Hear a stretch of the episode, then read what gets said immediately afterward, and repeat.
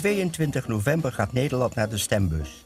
In mijn podcast Recht in de Ogen van ga ik met politici in gesprek. Ik vraag ze naar hun oplossingen voor de almaar toenemende georganiseerde misdaad. Waar willen zij met Nederland naartoe op het gebied van justitie en veiligheid? Maar ik ben ook benieuwd naar hoe ze in de politiek terecht zijn gekomen en wat voor impact dat op hun leven heeft. Bekend gezicht. Kan ik ook van jou zeggen. Ja. Fijn je hier te zien. Kom, aan deze kant Dit op. schitterende gebouw. Ze hebben hun best gedaan. Ja.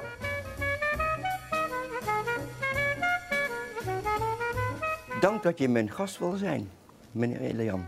Leuk. Ja. Leuk. Leuk om eh, bij je te gast te mogen zijn. Ja.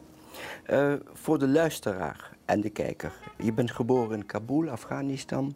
Je vader was toen al op de vlucht eigenlijk, jaren geleden voor het islamitische regime daar.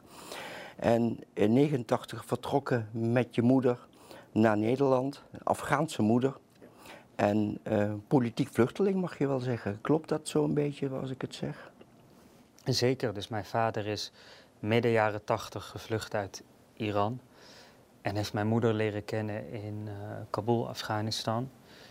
Eh, en zijn toen als uitgenodigde vluchtelingen, dat programma bestond toen ook al, eh, naar Nederland gekomen.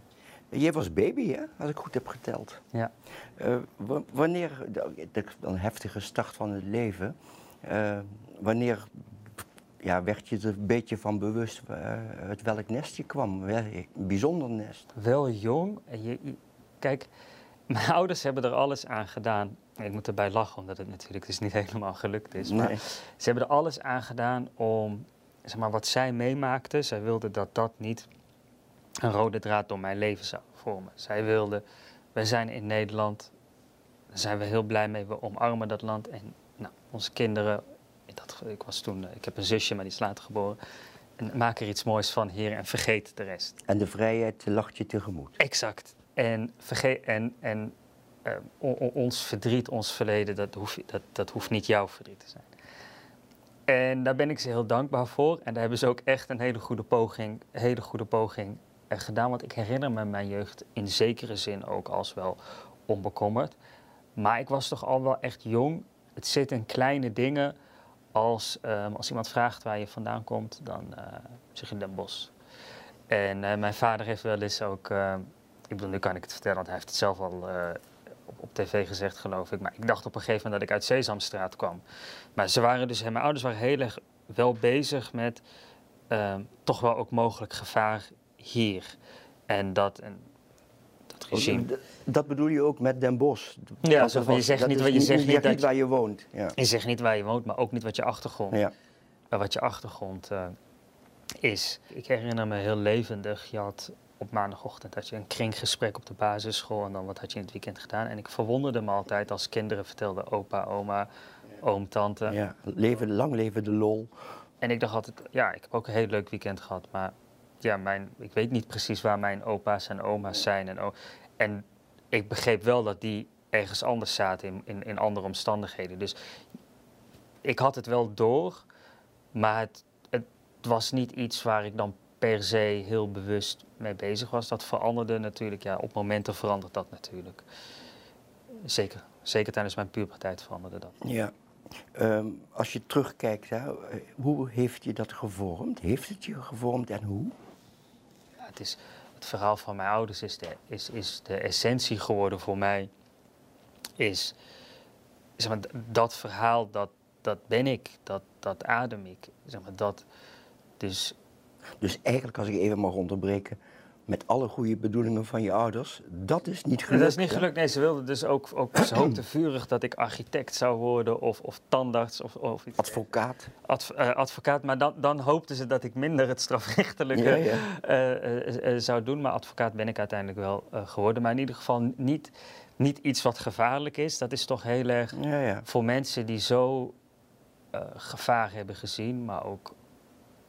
Er zijn familieleden geëxecuteerd in Iran. Dus mijn, mijn ouders wilden maar één ding. eh, met, met kinderen, kinderen moet niks ergs Ja, ja. gebeuren. Beschermd opgevoed eigenlijk ook. Ja, enorm. En ik herken me daar eh, heel veel, Bram, in. eh, ik denk dat mijn band daarom ook met de tweede, derde generatie Joodse gemeenschap zo goed is. Ik herken dat. Weet je, mijn moeder kan nu nog, als ik keelpijn heb, dan belt ze, gaat het goed? Zo, dat, is zo, dat zit zo diep in mensen die, die, die op de vlucht zijn of vervol ja, vervolgd zijn. Dus dat zit. En ik merk dat ik het, ik ben nu um, 35. Ik merk onbewust dat ik het toch zelf ook heb naar mijn eigen kinderen. Dus dat is, dat is ongelooflijk hoe dat, dat generatie... gaat over de tweede generatie als je... Dat, ja, zeker. Dus, dat is, dus ik denk dat ik daarom ook me, ja, dat ik daarom me zo, nou ook morele plicht vind om voor de veiligheid van de Joodse gemeenschap uh, te zorgen in, in Nederland. Nee, dus dat plan van mijn ouders is niet helemaal um, gelukt.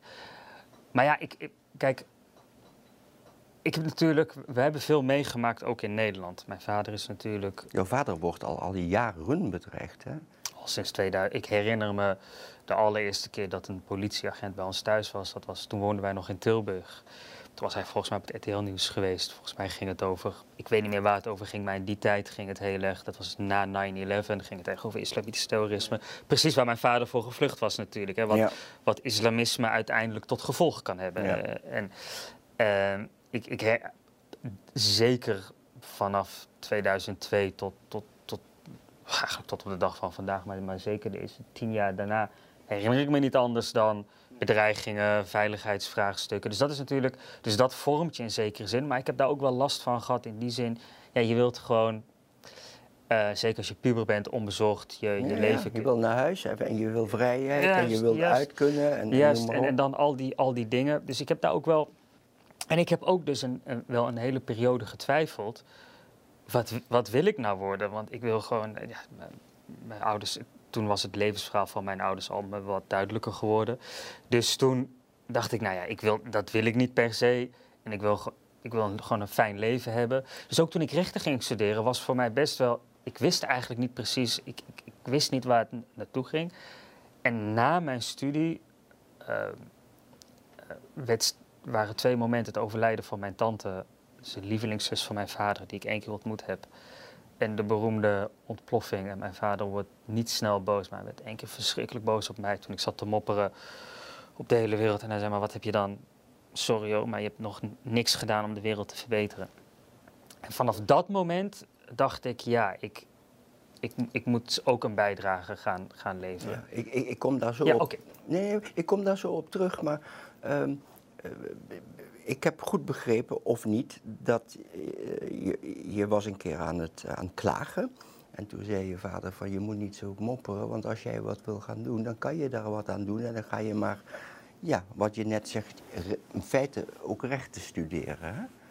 Of is dat, is, dat, een, is dat te kort door de bocht? Nee, is daarna. Is daarna. Dus ik was al afgestudeerd. Maar hij zei, als je de wereld wil verbeteren, begin dan bij je eigen omgeving. En toen ben je in de, in de plaatselijke politiek gegaan. Exact. En toen hij zei, als je iets wil doen, hè, wat, dan, dan, dan ga bij welke partij denk je dat je je prettig voelt. Ik zei, nou, VVD. Nou, zoek op wanneer de ledenvergadering is. Of volgens mij, misschien zocht hij het voor me op, dat weet ik niet meer. en succes, en succes maar, maar zit, zit, zit niet hier. Maar dat is zeg maar het activeringsmoment, zo zou je het kunnen noemen. Het morele moment was het overlijden van mijn tante. Omdat uh, mijn vader werd gebeld door, door, door, andere familieleden uit Iran met de boodschap: je, uh, je zus is overleden. En het verdriet dat ik toen zag, dat, dat, dat kan ik nooit vergeten. En het verdriet dat ik zag bij altijd een sterke, vrolijke, lieve man hij was zijn lievelingszus verloren en ik, hij zei, ja, ik, ik kan niet eh, het is onmogelijk. Iran is voor ons, ik bedoel, zelfs hier laten ze ons heel duidelijk weten dat ze ons volgen. Dus, dus het, het, is evident dat mijn vader geen afscheid kon nemen. En dan, zeg maar, dan is de realiteit heel koud, heel hard. Je lievelingszus is weg, je kunt niet naar de tante, en het is, je kan daar niet naartoe, het is klaar. Eh, eh, mag ik even tussendoor, ja. uh, had het regime wat te maken met de dood nee, van nee, gewoon tante? natuurlijk, nee, natuurlijk, natuurlijk overlijden. Want dat gewoon, zou het nog erger hebben. Nee, natuurlijk uh, overlijden. Het, die dag daalde het besef pas echt goed bij mij in dat vrijheid dus een volstrekt relatief begrip is. Dat ik dacht, oké, mijn vader is hier en we zijn in Nederland. Maar hij is dus niet echt, hij zal nooit echt vrij zijn waarschijnlijk. En ik dus ook niet. Want je bent niet vrij als je niet afscheid kan nemen van je, van je, van je zus. Dat is heel simpel. Exact. En toen besefte ik me, ja, vrijheid is dus, kan heel snel omslaan in iets delijks. En het is dus de moeite waard om dat kosten wat kosten verdelen. En waar was jij toen in je leven, voor mijn begrip? Ik denk uh, zal zijn. eh, Studeerde je nee, al? ik was afgestudeerd, dus ik was docent aan de Vrije Universiteit, waar ik ook gestudeerd eh, Ja. had. Het was in Eh, van waar rechten? Ja, ik, denk, ik denk toch dat meespeelt daar dat het thuis toch vaak ging over maatschappelijk ja, relevante onderwerpen. Het ging natuurlijk ook vaak over, over het recht. En echt niet dat mijn vader Misschien dan... moet je even voor de, sorry dat ik je onderbreek, maar voor de luisteraar en kijker even zeggen Ah, wat, jouw vader Ja, eigenlijk... precies. Dus mijn vader is hoogleraar eh encyclopedie van de rechtswetenschap eh, aan de Universiteit Leiden. En al heel lang col- columnist, is in NRC geschreven, nu Telegraaf. En eh, het heet geloof ik EW Magazine, maar ik noem het gewoon Elsevier. Ja. Zo, zo kent iedereen het ook. En Nee, maar even duidelijk te maken dat jij komt uit een academische familie. Je vader dacht en, schreef, en schrijft veel over het recht. ja, En dan zijn we weer bij jou dat je rechten gaat studeren. Dus ik, ik, ik, ik denk dat van, het, het ging thuis veel over, over de wereld, over politiek, over, over het recht. Maar echt niet op zo'n manier dat ik 15 was, dat mijn vader dan arresten van de Hoge Raad zat uit te leggen. Dat natuurlijk ook niet. Maar je krijgt een bepaalde Ja, affiniteit. je krijgt het mee, je krijgt het in gesprek. En- Ik ken dat natuurlijk. En bij hem speelde natuurlijk de component, eh, hij is rechtsfilosoof, dus heeft ook filosofie gedaan. Dus de waarom-vraag was wel altijd, ja, hij, daagde me ook altijd wel uit om verder na te denken eh, over, over dingen. En ik vond wel het vak van, eh, van advocaat, ja, dat, dat, dat fascineerde mij wel altijd enorm of ik dat echt wilde worden, wist ik niet. Maar ik wilde in ieder geval snappen, hoe werkt het rechtssysteem? Hoe werken onze regels? In een vrijheid. Exact, in een, in een, vrije, in een vrije wereld. En dat was ook ehm, de reden natuurlijk dat mijn, mijn vader eh, recht en filosofie ging studeren. Hij dacht, ongelooflijk, in, in, in het land waar ik vandaan kom is dat verwoorden tot dictatuur. Maar kennelijk kun je dus een normaal, wat we nu wat we noemen democratische rechtsstaat, hebben rechtsregels. Eh, ik weet nog dat hij wel eens vertelde dat hij hier over straat liep voor het eerst. Dat hij dacht, in vreedzaamheid en in vrijheid houden mensen zich aan de regels. En dat fascineerde hem enorm, daarom ook filosofie. Nou, dat vond ik overigens, daar kwam dus, daar zie je dan weer hoe je beïnvloed wordt. Ik vond dus filosofie, want daar had mijn vader het heel vaak over. Dat vond ik op een gegeven moment echt. Ik dacht, ja, al die waarom-vragen, poeh, kunnen we ook gewoon uitgaan van de wereld Dat zoals is die niet is. zo praktisch. Nee, precies. Ik was meer, en dat bleek ook later, want ik, was, ik, was, ik ben ook meer een, ehm, ja, hoe noemt men dat? Meer een praktisch jurist. Ja, Iemand Ja, van de toepassing van het. Ja. Eh, waarom civiel? Want je- voor de luisteraar, je hebt de civielrechtelijke advocatuur gekozen en bijvoorbeeld niet het strafrecht. Nee, ik, het, het strafrecht eh, vond ik wel ontzettend interessant. Ik heb ook alle verplichte vakken van de master strafrecht ook wel gedaan. Ehm, alleen ik, ik ja, in, in het strafrecht denk ik dat als je een toga-beroep wil, dan, dan is de afweging rechter of Hoe noem je dat? Een toga-beroep? toga-beroep, ja toch? Nee, ik ken die term niet, maar ik begrijp hem. Ja. Ja, toch? Een, to, een toga, een toga eh, eh, beroep. En ik, ik wist dat het strafrecht is vanuit de boeken, en als het zeker mooi verteld wordt, is het ontzettend, spreekt natuurlijk tot de verbeelding, maar de realiteit, ja, is natuurlijk, je moet wel weten waar je aan begint natuurlijk. En ik had het civiele recht fasci- ehm, ik, ik heb het altijd interessant gevonden en later, en ik werd dus meteen docent en toen mocht ik dat ook gaan uitleggen, wat ik overigens nog steeds een geweldige. eh, heel veel mensen denken vaak van mij eh, advocaat politiek, maar ik ben ook docent geweest. Zeg maar, als je naar de Albert Heijn gaat, hoe, hoe komt het dat Waar, staat dat ik moet betalen en dat ik dan ook als ik een broodje koop dat broodje krijg? Dus dat civiele recht fascineerde mij. Dat, dat vond ik, dat vond ik eh, geweldig en ik had er ook ehm, ja, aan, aanleg voor, eh, eh, merkte ik. Het is een soort, zeker een casus, is een soort, ja, Ja, het gaat eigenlijk om, om, om omgangsvormen tussen de mensen. dat is het het. civiele recht. Dat, dat is het. Strafrecht maar op een Oh, oh in zekere zin ook. De, maar dan de neg- misschien de, de, de, de, de, ja, de, de, de negatievere kant. Maar dat, dat, dat is het civiele eh, recht. En met name hoe afspraken tot stand komen. En wat er dan gebeurt als afspraken niet worden nagekomen. Ja, ik vond, dat, en vond en vind dat een fantastisch eh, eh, gebied. Ik ben ook heel dankbaar dat ik vier jaar advocaat heb eh, mogen zijn. Want ik heb eerst dus gestudeerd. Een beetje ongebruikelijke stap, meteen docent. Ik had het geluk dat, dat een hoogleraar ja, mij dat toevertrouwde. En Dat zeg je mooi. ja, hij vertrouwde, hij zei dat... dat zou je wel verdiend hebben hoor. Nou, ik ben hem buitengewoon dankbaar ook, omdat tijdens mijn studie was ik een beetje verdwaald. Ik wist niet meer wat ik wilde. Wat ik wilde Dat gebeurt heel veel dat gebeurt studenten. veel studenten, zeker bij de. Maar ik, ik wist het oprecht niet meer. En ehm, dit was. En dus het moment met mijn tante en de ontploffing van mijn vader was dus allemaal na mijn studie. Dus ik was toen nog erg zoekende. En soms, ik denk dat iedereen in zijn leven één keer die schouder op, op, op, op je arm, eh, of een arm over je schouder nodig heeft. Deze hoogleraar. Die heeft dat gedaan. Eh, die, die, die zei, ik denk dat jij prima kunt uitleggen. Ja. En lijkt je dat wat? Ik dacht, nou, fanta- En dat ben ik, dat ben ik dus eh, dat ben ik, eh, eh, gaan doen. Dat is heel dankbaar om kennis te mogen overdragen. Maar het daagt je ook uit om boven de materie te staan. De achtergrond van je ouders, hè, in relatie tot jouw standpunt met betrekking tot het vluchtelingenbeleid. Is daar een correlatie, als je begrijpt wat ik bedoel? Ik zou me kunnen voorstellen, mijn ouders zijn vluchtelingen, waren mijn grootouders trouwens ook. ook. Eh, dat dat iets betekent voor jouw standpunt ten aanzien van het vluchtelingenbeleid.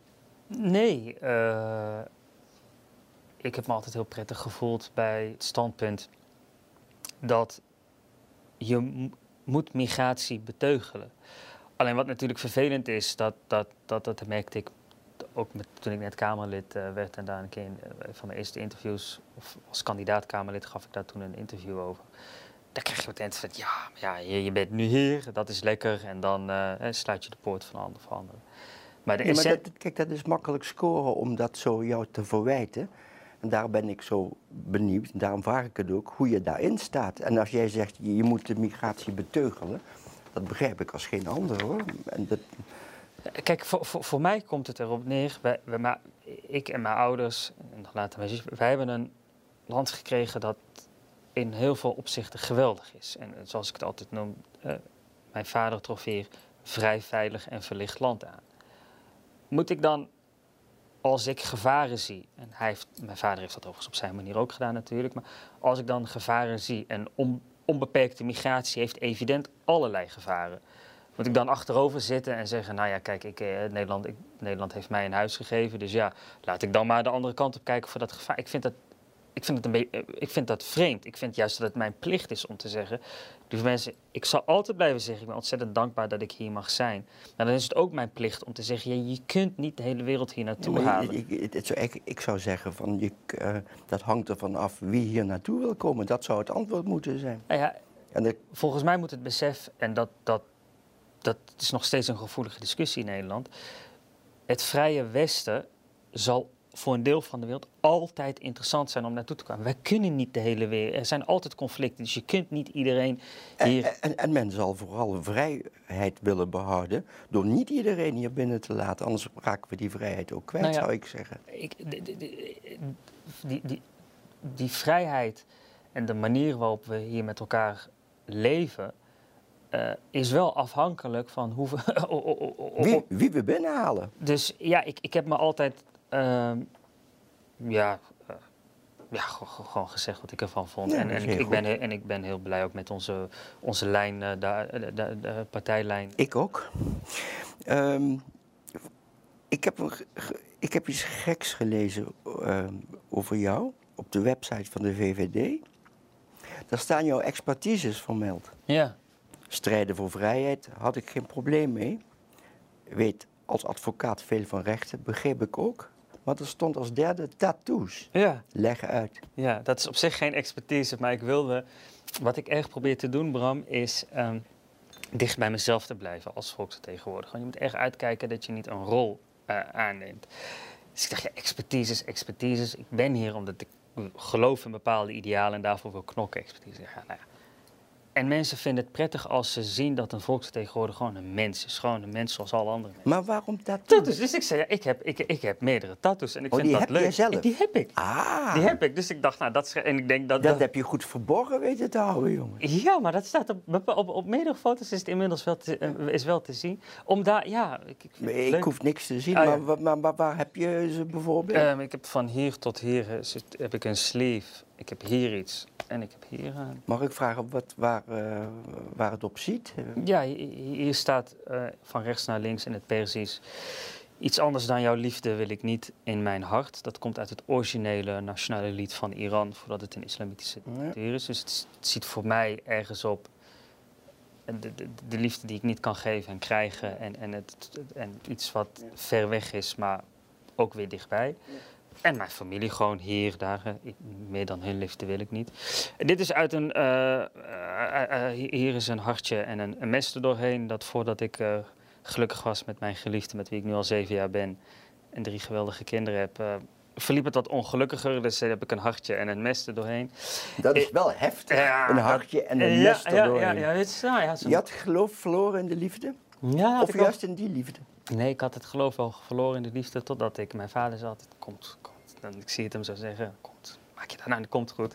Kwam ook goed uh, uh, uiteindelijk, want ik, ben, uh, ik heb heel veel geluk om met, de, kom, kom met Leslie te, te zijn. En hier aan de binnenkant staat een engel met een zwaard. En hier staat een... een engel met een zwaard? Ja, een zwaard. En hier staat een, een, een beeldenis van Maria. Maria heeft mij altijd gefascineerd. Uh, ik ben door mijn vader met heel veel liefde voor mijn moeder opgegroeid. En Maria belichaamt een soort van de, de, de ultieme moeder bijna. Hè. Het is een, een inspirerend, maar een heel mooi figuur, vind ik, uit het, uh, ja, uit, uit, uit, uit, het, uit het katholieke uh, geloof. Dus het weerspiegelt voor mij... Geloof jij eigenlijk? Zeker. Waarin? In wie? In wat? Nou, ik geloof in ieder geval dat er meer is dan, dan alleen wat wij hier op aarde zijn. Laat ik misschien te algemeen. Ik, ik, geloof dat jij gelooft. En in zekere zin geloof ik ook in iets. Maar uh, voel je je dicht bij het katholicisme of uh, de islam of het jodendom of, of, of protestantisme? Waar zou, je, waar, waar, waar, zou je je dichtst bij voelen? Ik kom uit, ik ben opgegroeid in Brabant uh, in de jaren. Ja, maar je ouders niet? Nee, zeker niet. Ehm, maar ik kom nog wel uit de tijd Want dat... als dat zo zou zijn, sorry dat ik u onderbreek. Ik ben opgegroeid in Maastricht, maar ik geloof bepaald niet in het katholicisme. Nee, nee dat, nou ja, ik, ik denk dat de combinatie is van dat het in, toen ik jong was in Brabant nog heel normaal was dat, dat, dat iedereen in je klas ook eerst communie deed en zo. Ben, ben je katholiek? Zeker. Ah. Zeker, zeker. Alleen het is niet waarom, iets... ik, waarom ik dan de... de ik, ik, ik zag jou niet als een kat, iemand... Maar nu begrijp ik het, ja. Nee, eh, maar het is ook niet iets waar ik veel over spreek, omdat... Uh, dan komt weer mijn liberale opvatting. Het is iets heel uh, persoonlijks. Ja. En ik vind ook dat als mensen... In, prima als je ergens in gelooft als je maar niet anderen tot, tot hou het voor jezelf. Eh, ja, ja, zeker. als je het anders maar niet uh, opdringt. Exact. Maar ja, dan ben je bij het katholicisme niet helemaal aan nee, het Nee, dus, dus dat, dat, dat, dat is ook... Nou ja, het is ook... Nee. Dan zeg ik het heel vriendelijk. Nee, nee, dus dat is het lastige met geloven. De school van de religie maakt het je nooit, nooit makkelijk. En daarom is het voor mij het verhaal van Maria... dat heeft me altijd enorm... Uh, uh, geïnspireerd. En dat kun je ook iets meer los zien van... Ja, van, van juist alleen dat... dat uh, ja. Maar waar, waar, als ik het vragen mag, waar gelooft jouw vader in? Is, is jouw vader... Uh, dat is, zoals hij het zelf noemt, een mystieke kwestie, noemt ja. hij het altijd. Hij heeft geen bepaalde... ja, hij is niet een aanhanger van, van het katholicisme of van het jodendom of van de islam. Of, of ik vind, ik vind het zo integrerend eigenlijk dat jij in Brabant wordt opgevoed. Een Afghaanse moeder, Iranese vader. En het, je wordt een katholieke jongen, laat ik het zo zeggen. Ja, mijn moeder. Uh, ik denk dat de invloed van mijn moeder is. Mijn moeder was wat ik me herinner uit mijn jeugd, altijd erg aangetrokken door, door de katholieke kerk. Dus ik denk dat dat ook wel een rol heeft. Nou, dat, dat verklaart het dan. Wat zijn de belangrijkste prioriteiten bij jou en bij de VVD-fractie op het gebied van justitie en veiligheid? Ja, het, het, het allerbelangrijkste vanuit de justitiekant is uh, ons gevangeniswezen is echt uh, toe aan een verandering. Dat heb ik gelezen. Uh, kijk, het is heel simpel. Als je zegt misdaad mag niet lonen, dan betekent het dat dat vanuit detentie, gewoon heel simpel, als iemand straf heeft, je niet door moet kunnen gaan met het plegen van strafbare feiten. Maar straf moet ook straf zijn. Nog even los van hoe gevaarlijk dat is, ook niet alleen voor binnen, maar ook voor, voor buiten. Misschien mag ik even onderbreken voor de kijker en luisteraar, want daar moet ik rekening mee houden. Je hebt ehm, standpunten en moties ingediend die erop neerkwamen dat gedetineerden in de EBI, dus de extra beveiligde inrichting, zeg ik even voor de luisteraar, of het AIT, de afdeling intensief toezicht, de gedetineerden die daarvoor blijven voortaan niet meer dan twee advocaten mogen hebben. Dat heeft veel kritiek gekregen, maar daar haak je nu eigenlijk zelf weer op aan. Het vraagstuk van het gevangeniswezen heeft mij gegrepen. Ik ben daar ik bijna alle inrichtingen in Nederland ook bezocht. Italië geweest, Amerika geweest. En wat ik constateerde is dat ons gevangeniswezen uh, onvoldoende voorbereid en bestand is tegen een categorie. Sommigen noemen dit nieuw. Dat, dat weet ik niet of het per se nieuw is. Maar in ieder geval, het is de realiteit. Een categorie uh, criminele kopstukken, veel invloed, middelen, maar ook het type crimineel dat niet berust in de straf. Een type dat nog steeds van binnen door zal gaan. Of door ik, zal ik kan je vanuit mijn praktijk zeggen dat dat redelijk nieuw is. Ja, je zou dat wel nieuw kunnen noemen. Nou, dat, ik, is, misschien is het ook iets van, van, van de laatste jaren, maar het is in ieder geval een realiteit nu. En, dat is zo. En daar heb ik, en, en ik merkte, uh, en ik merk nog steeds op de dag van vandaag, het is een worsteling voor we, we investeren heel veel. Uh, ook mijn partij altijd voorop. Veel politie. Um, de laatste jaren ook in... Law and order. Law and order. Alleen, ik kwam er tijdens mijn mooie werk, kamerwerk achter. Maar wacht even, je, kunt niet alleen aandacht vragen voor opsporing. En dan aan de achterkant... Uh, ik vind het ook wel tekenend, uh, even voor, voor de mensen thuis. De politie vraagt altijd om... om of, als er organisaties om meer geld vragen. Politie hoor je vaak, Openbaar Ministerie, rechtspraak. Het de dienst justitiële inrichtingen hoor je nooit. En, en, en, staan we er voldoende bij stil dat de allergrootsten, de allerzwaarsten, die zitten daar wel het langste. Daar zitten het langste. Dus dat, heeft me, dus dat vond ik ook gewoon, gewoon vreemd. Dus daar ben ik enorm in, in, in, ingedoken en inderdaad meerdere voorstellen gedaan, waaronder de beperking uh, tot twee advocaten. Ja, en waarom de beperking tot juist twee advocaten? Ja, omdat wat je, wat je nu ziet. Waarom niet drie? Pak maar eens. Uh, je vindt dat je ergens een grens moet Ja, je moet, um, dat, dat is het, ik, ik, ik, je moet ergens een grens stellen en dan, dan heb ik gekozen voor twee vanuit de gedachte um, voor je straf en daarmee gerelateerde zaken, zoals bijvoorbeeld detentie. Zou je met twee advocaten prima uit, uh, uit de voeten moeten kunnen. Maar nou zeggen uh, critici, ja. uh, die zeggen dat jij komt met dat voorstel of kwam, omdat eigenlijk gebaseerd op één incident, namelijk dat op de neef van Taggi. Daar is kennelijk iets fout gegaan. Hij is ook veroordeeld, die man.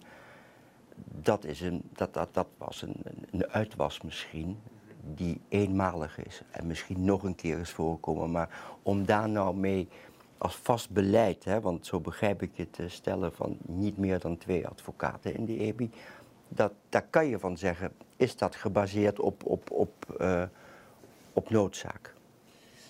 Uh, want dat... ik, ik ken maar één voorbeeld en dat is die neef. Zeker. En ik ken natuurlijk de kritiek dat, dat, ik, dat, uh, dat het incidentpolitiek is. Overigens nee, dat, van de... dat is, ik zit hier gewoon ja, nee, dat is als, als, op zijn minst als jurist en niet als politicus. En je mag ook best dat voorstel doen, maar dat is een tegenwerping, die kan je jou maken. Zeker, maar het is niet gebaseerd op, uh, op alleen die zaak van Youssef Taghi, waar natuurlijk echt van alles gruwelijk ja. mis, is, mis is gegaan. Ik constateer een een risico. En dat is ook overigens, er zit ook, werp ik dan weer mijn critici terug. Ik bepleit natuurlijk ook een beperking van contactmomenten. Hoe strakker je het regime maakt, hoe aantrekkelijker natuurlijk de route van de advocaat wordt. En dat is natuurlijk sowieso een van bijna de enige route waarmee je vertrouwelijk kunt spreken met iemand zonder dat wordt meegeluisterd. De enige. De enige, ja. Je zou nog kunnen zeggen de, de, de, geestelijk verzorger en, en de arts. Maar even, even, even die, die dagen later, overigens om hun maak ik me ook wel uh, zorgen. Kijk, al die routes, die, die routes worden naarmate mijn voorstellen meer uitgewerkt uh, worden. En dat doet de minister uh, van D66 nou, de ene keer beter dan, dan de andere keer, laat ik het maar zo zeggen. Maar die route van de advocaat is een kwetsbare. En laat ik ook benadrukken, Bram, recht op behoorlijke bijstand staat niet ter discussie.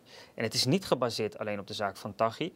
Er zijn meerdere gedetineerden die, die niet goed kunnen, eh, eh, laat ik zo zeggen, waarbij je je kunt afvragen waar, waar, waarom heb je meerdere advocaten nodig. Ik heb ook bij de toelichting op de motie gezegd, maar luister, als iemand een geschil heeft rondom uh, zijn woning. Of het wordt een vergunning voor een garage. Dan begrijp je dat daar een civielrechtelijke advocaat natuurlijk, nou, maar, maar, maar, maar, natuurlijk, alleen die gedachte dat daar, dat daar meerdere strafrechtadvocaten... zonder dat iemand goed kan uitleggen waarom dat nodig is...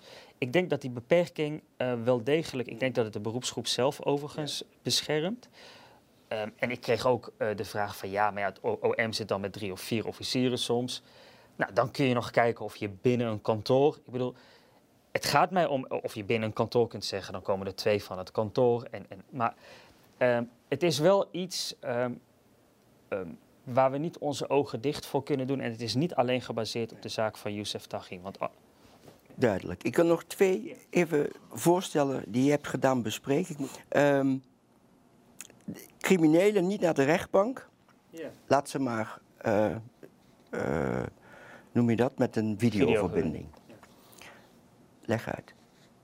Want misschien voor de kijker en de luisteraar normaal gesproken wordt een verdachte naar de rechtbank gebracht en krijgt daar te horen of, het, of de voorlopige hechtenis wordt verlengd of niet, kort gezegd. En jij stelt voor om dat via een videoverbinding te doen, zodat dat vervoer wordt beperkt. Ja, een van mijn eerste werkbezoeken als Kamerlid was in, in Vught, omdat uh, de mensen in Vught contact met mij opzochten. Van ja, dit, dit, dit, je moet even komen kijken waar die kolonnes en het zijn echt zwaar... Albert van Linden heeft je gebeld? Of niet? Uh, de fractie. Nee, de fractie van Vught heeft mij zeker gebeld. Maar ook uh, de burgemeester zocht contact met het dringende verzoek. Ja, kom Dit is echt een probleem. En ik kwam daar en inderdaad... Uh, ja, dat is nu, nu, nu wat lastig omdat de kijker het niet, niet, niet kan zien. Maar je, je, je, het, het is echt gevaarlijk dat die kolonnes daar met hoge snelheid um, door een, uh, een, een, een bewoond gebied. Dat één. Twee, als het gaat om mogelijke ontsnappingen, is dat, dat weet iedereen, dat is al heel lang zo, is natuurlijk het moment uh, uh, het vervoer. En drie, als je kijkt wat voor maatregelen je moet nemen bij de zittingszaal, dat, ja. dat is buiten. Ja. Je kunt daar, duidelijk, hè, maar je kunt daar tegenover zetten, en hier spreekt de oud-advocaat en nog steeds jurist, uh, dat het een verdachte is. Die man is nog niet, nee. een vrouw is nog niet veroordeeld. Anders dan over die EBI-verhaal. Daar hebben we te maken met, een, met afgestrafte doorgaans, hè, laat ik dat dan zo zeggen. Maar die man die in Vught vastzit, of überhaupt elders, die is nog verdachte, is nog niet veroordeeld. En dan vind ik, de advocaat te hard, dat je hem dan toch tekort doet. Want als die man dan via zo'n videoverbinding kan die. Een rechter, ik zei altijd, als ik getuigen wilde horen, dan moet ik die getuigen kunnen voelen, ruiken. Uh, in zijn ogen kunnen kijken, bijna lijfelijk contact. Ja, dat niet, maar overdrachtelijk. Ik moet zien hoe met wie ik te maken heb, hoe die getuige erbij zit. Dat kan een rechter niet binnen videoverbinding. Maar nu maak je een belangrijk punt. Hè? Kijk, uh, ik ben in Italië, ik ben meerdere keren geweest en had ik de eerste keer daar was, uh, ben ik, ik ben, want in Italië zit al heel lang praktijk. Overigens in Amerika ook voor een deel. In Frankrijk gebeurt het ook met de, de, het verdachten van terrorisme. Dus het is niet iets nieuws. Nee, maar dat uh, zegt niet dat het goed is. Nee, nou ja, dus dan moet je goed kijken, werkt het? Dus ik ben gegaan, ik heb, het mij is uitgelegd hoe dat in Italië werkt. Toen kreeg ik de kritiek, ja, maar je hebt niet gezien hoe die verbinding dan werkt. Ik vond het een beetje flauwe kritiek, maar bon, ik ben nog een keer gegaan. Ja, of die verbinding interesseert nou, mij eigenlijk wel, niet ik ben of wel die gegaan, Kijk, uh, ik ben naar de, de grootste maffiazaak uh, uh, die tegen Ndrangheta en La Mezzia Terme geweest... om te kijken hoe, hoe, hoe voelt dat nou? ja, maar voor wie? Verdachten via videoverbinding. Rechters zijn aanwezig, officier van justitie aanwezig... advocaat aanwezig die dan via een vertrouwelijke telefoon kan bellen naar de cliënt. En dat werkt dat, dat, dat, dat werkt uitstekend. Ja, maar wacht, mag heel even. Ik, ik geloof wel dat die verbinding technisch goed tot stand is te brengen. Maar mijn punt is. Het kunnen ruiken van, van ja. iemand. Maar dan, kijk, als het gaat bijvoorbeeld om een getuigenverhoor. Wat zeker in een strafproces echt van Cruciaal, cruciale hè? betekenis kan zijn. Ja.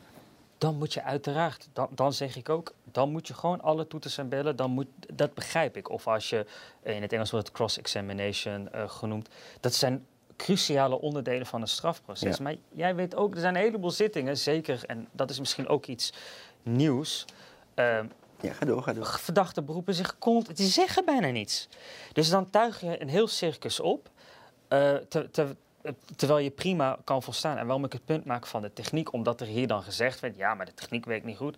Ik heb in Italië gezien, je kunt zelfs inzoomen. eh, Je kunt, het, werkt, het werkt piekfijn. Maar het is ook een, meer een keuze. Vind je dat we continu die mensen blijven vervoeren en bij de stad waar de beveiligde rechtbank zit, zo'n beetje dat halve gebied moeten afsluiten, het leger moeten inzetten of niet. Ik vind dan, dan moet je de keus maken, gelet op de geringe last die de verdachte ervan heeft. Overigens, je ziet nu dat meerdere vanuit de EBI zeggen, ik hoef ook helemaal niet meer daar naartoe. Dus je ziet daar ook een, een kanttekening. En ik denk dat je op een gegeven moment gewoon moet zeggen, het is toch niet normaal om in Vught en Amsterdam zoveel veiligheidsmaatregelen te moeten treffen, terwijl, de, terwijl je een veel betere oplossing eh, voor, voor, voor handen hebt. Beter voor beide steden, beter voor de samenleving. En waar het echt nodig is, getuigenverhoor, slotwoord. Maar wa- wa- wat je dus, eh, althans zo begrijp ik wat je zegt is dus mijn voorstel van jou dus om ze niet te vervoeren, ziet alleen op de verlenging van de voorlopige Nee, ik, ik, ik- zou zeggen, het is het uitgangspunt. En wat mij betreft leggen we dat uitgangspunt dus ook vast in de wet. Maar wel omgeven met de omstandigheid dat bij cruciale momenten, dus wat- bijvoorbeeld je kunt zeggen slotwoord, wil je iemand fysiek hebben, getuigenverhoor. Maar dat zijn enkele momenten. Dus al die andere momenten, Ja, maar bijvoorbeeld, eh, dat ik je goed begrijp, de behandeling van de strafzaak, moet die op videoband? ja, waarom niet? Ja, om reden die ik je noem. Ja, maar die verdachte zit, zit, zit hè, kijk, kijk naar, naar, naar Marengo, maar ook naar Eris bijvoorbeeld. Verdachte zit vaak, eh, de, de, de- de belangrijkste rol heeft de raadsman. Als het goed is wel. En eh, die kan prima contact eh, hebben. Kijk, en als we hier uiteindelijk, kijk, als de videoverbinding niet, niet, niet lukt, heb ik ook op een gegeven moment gezegd, dan, dan moet je à la Italiaans model, dan moet je de rechtszaal, dan moet je maar in Vught een oplossing zoeken en de recht, waar Vught kijk, zal. want dat vind ik dus, eh, ik zou een tussenoplossing De voorstellen. rechtszaal namelijk bij de gevangenis. De rechtszaal bij de gevangenis. Dus niet de rechtszaal bij de rechtszaal en ook niet met de videoverbinding. Maar ik heb al vaker gezegd, ook nog toen ik advocaat was, laten ze nou toch gevangenissen bouwen waar ze ook rechters kunnen ontvangen die daar gewoon zitting kunnen Nou, houden. dat- Kijk, en dan heb je beide bezwaren, van jou en het bezwaar van mij, heb je ondervangen. Zeker. Maar ik, ben, ik heb de nieuwe videoruimtes in Vught gezien. Als je ziet, je denkt bijna dat je in de rechtszaal bent. Ja. Je kunt heel veel, maar, Nee, maar pri- het- je kunt het principieel anders... Het gaat mij om dat fysieke. Hè? Dat, dat, ik, dat een rechter in de ogen moet kunnen kijken van een getuige, van een verdachte, dat ik als advocaat ooit geweest eh, die getuige moet kunnen ondervragen. Maar goed, we hebben het besproken en we komen er niet uit. Maar de tussenoplossing zou kunnen zijn dat ze gevangenissen bouwen met. eh, met eh, Zeker, ik sluit ook niet uit dat... dat als de VVD zich daar nou hard voor zou maken, zouden ze mijn stem krijgen. Nee. Ehm, tot slot, je wordt beveiligd hè, nu, dat weet iedereen. Wat heeft dat voor een invloed op je leven nu? Goed. Eh, ja, ik heb het als kind meegemaakt, want mijn vader... Weet ik. Ja, kijk, eh, de bedoeling was, eh, zei ik thuis, papa gaat het meest eervolle doen wat er is, namelijk het Nederlandse volk vertegenwoordigen in de Tweede Kamer. en dat is het nog steeds. Ehm, maar goed, het was niet, je hoopt dan niet thuis te komen met een pak aan beveiliging. Maar ik laat me daar ook niet door tegenhouden, Nee. maar de impact is, is, is, Maar jij rijdt gigantisch. met gepantserde auto's ook rond en zo. Ik kan er zelfs, moet je uiteraard niet te veel over vertellen, maar eh, dat is heftig, denk ik. Hè? Ja, omdat je verliest. een En dan komen we, komen we terug op het begin van het gesprek. Want De het is wel een beetje wrang, misschien zelfs in zekere zin verdrietig. Dus mijn ouders kwamen hier vanuit. Echt, ik bedoel, mijn vader heeft zijn moeder nooit meer gezien. Hij heeft gewoon moest acuut onderduiken. Eh, wat het regime nu, nu, nu doet, gericht schieten op demonstranten. Toen werd je, dat gebeurde toen ook al, werd je doodgeschoten. Hè. Familieleden geëxecuteerd is de- geëxecuteerd. Mijn moeder heeft, mijn ouders hebben bombardement in Kabul meegemaakt. Eh, die krijgsheren toen de Sovjet-Unie vertrok, bombardeerden gewoon burgerdoelen. Dus weet je, ze hebben veel van meegemaakt. Dan kom je hier, dan gaat mijn vader zich, omdat hij dat gevaar ook in Europa zit, zegt hij daar wat van. Moet worden beveiligd. beveiligd. Ga ik de politiek in? Ik zie een gevaar van. Nou, jij zegt nieuw. Ik denk dat het misschien, misschien ook wel, wel zo is. Nieuwe categorie georganiseerde criminaliteit. Daar zeg ik iets van, met name op het gevangenisregime. Ja, dan word je. dat is natuurlijk, ja, dat, maar het is misschien ons lot aan de ene kant. Eh, ik heb er in die zin ook vrede mee. eh, als ik daarmee kan bereiken dat anderen veilig zijn, dan doe ik het met, met opgeheven hoofd. Alleen de prijs die je betaalt is gewoon, ja, ik heb geen vrijheid meer. Niks, nul. En dat is, ja, dat is voor, voor iemand, ja, dus aan de ene kant kun je zeggen, voor iemand die vrijheid belangrijk vindt, eh, hoort dat erbij. Aan de andere kant kun je zeggen, ja, dan, ja, zo iemand zou het moeten hebben. Maar weet je, ik troost me met de gedachte dat, ik denk dat, dat wat ik doe op dat gevangenisregime, eh, want dat hebben we niet besproken, maar ik heb ook het aantal contactmomenten eh, beperkt voor, voor onder andere de EBI. Eh, maar wat het ook, eh, ik, ik denk dat eh, het verschil dat ik kan maken, dat maakt aan het einde van de dag voor mij dat ik het vol kan houden zolang het moet. Maar voor iemand met, met jongen, voor niemand is het, maar zeker met een gezin. Ik vraag nogal veel van mijn gezin. Dat is wel. Ja, kom ik nu op. Je bent samen met Leslie van Hilde. hè? Ja. Jullie hebben ook kinderen. Heeft dat ook zijn weerslag op het gezinsleven? Ja, de, de vraag stellen is een beantwoorden, maar eh, hoe gaan jullie daarmee om? Ik, ik, ik draag met me mee dat ik mijn gezin hierin gestort heb. En die er niets aan kunnen doen, die er niet om gevraagd hebben.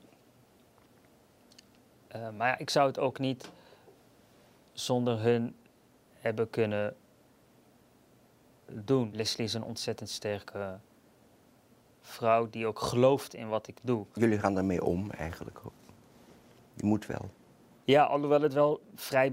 Het blijft bizar. Om- Ja, ja. Omdat, om- omdat je bespreekt dingen met elkaar waarvan je, waarvan je soms elkaar aankijkt. Waar, waar hebben we het nu? nu hè?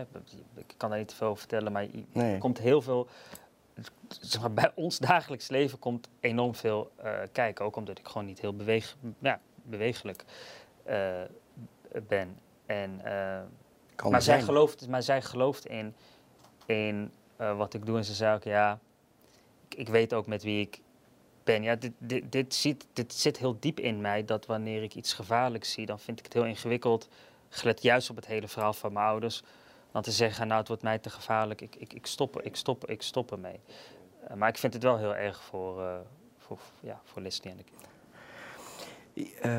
Tot slot, je hebt eens gezegd, eh, dan citeer ik, dat je droomt van het moment dat je met je vader een Teheran loopt. Ja. Daar heb ik drie vragen over. Wat zou je hem dan zeggen als je daar loopt? Ik denk iets als, eh hey pap, eh, het is gelukt, we zijn er. Zoiets. En wat zou hij tegen jou zeggen, denk je? Hem kennende zal hij niet zoveel zeggen op dat. Dat. eh, op dat eh. Hij zou, hij zou je vasthouden. Weet je, het is moeilijk uit te leggen soms hoe je naar iets kunt verlangen waar je nooit geweest bent, maar wel wel je geschiedenis ligt. En dat regime is zo ontzettend kwaadaardig, Bram, dat is echt. Dus da- da- daar- daar zijn. Nou, ik denk, ik denk dat mijn. Ik, ik denk dat hij hem kennende verha- op dat moment, want als de emotie gepasseerd is, dan denk ik dat hij zal vertellen over waar we dan zijn. En ehm, het zal ongetwijfeld anders zijn dan in zijn herinnering eh, eh, natuurlijk. Maar ik zou zo graag het huis van mijn opa en oma willen zien. Het voelt zo, zo gek om niet goed te snappen. Dus ik kan jou uitleggen waar ik vandaan kom. Maar ja, daar houdt het dan soort ook van wel.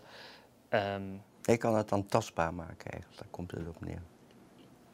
Ja, Als je daar zo rondloopt. Absoluut. En, en ik, ik hoop dan ook, het, het, het, het, het, het weet je, het, het zou een soort verdriet over de familie misschien weg kunnen nemen als we daar eh, zijn. Alhoewel Afghanistan is natuurlijk, ik heb daar, zover ik van mijn moeder begreep, geen familie eh, meer. Ja, dat land is, ik weet niet, we hebben het opgegeven, hè? dat is verloren. Dus zeg maar mijn geboortestad.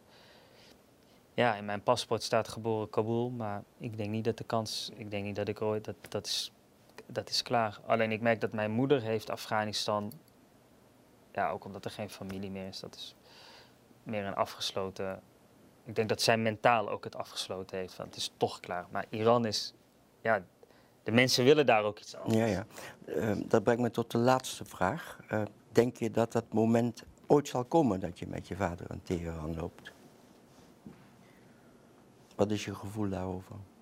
Ik hoop het. Ik, ik, ik, weiger de hoop uh, op uh, te geven. Uh, en als je ziet wat, wat er nu gebeurt de afgelopen anderhalf jaar, um, hoe moedig mensen. Er komt meer verzet, lijkt het. Er komt, ja, het, het, is heel duidelijk dat, dat echt een gigantisch deel van de bevolking, dat wordt in Nederland nog wel eens onderschat. Ook omdat regimegezinde mensen hier dan op tv komen, wat ik ver, verbazingwekkend vind. Maar dat, ik ook. Dat, dat terzijde. Maar echt, het is ook aantoonbaar, hè? Echt, echt 80% van de mensen wil geen islamitische dictatuur meer. Die willen een vorm van democratie. Dus het kan, maar. Dus ik hoop het. En natuurlijk is die hoop meer geworden de afgelopen anderhalf jaar.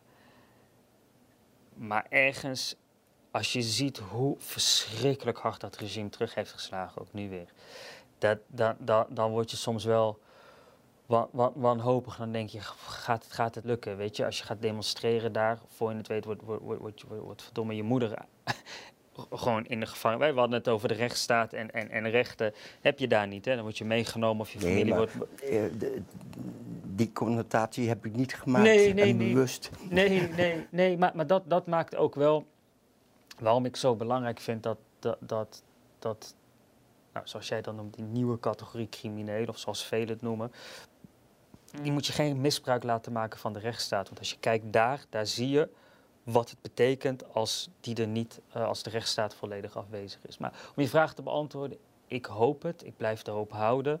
Ik blijf gelo geloven in nou, dat ik daar ooit met mijn vader in Teheran uh, loop. Dat ik, nou, mijn vader is opa inmiddels, opa Afshin. Dat, dat we, dat, dat, dat, ja, dat, dat, want ik weet ook soms niet zo goed wat ik de kinderen moet uitleggen erover. Ja, waar komt opa vandaan? Ja, dat is weer een heel ingewikkeld verhaal. Ja. Laat ik die hoop dan uh, met jou delen en uitspreken. En je bedanken voor het gesprek. Zeer aangenaam. Dankjewel. Wie zou jij willen horen in mijn podcast Recht in de Ogen van? Laat het mij weten op crime.telpanetwork.com. Voor nu bedankt voor het luisteren. Tot de volgende keer.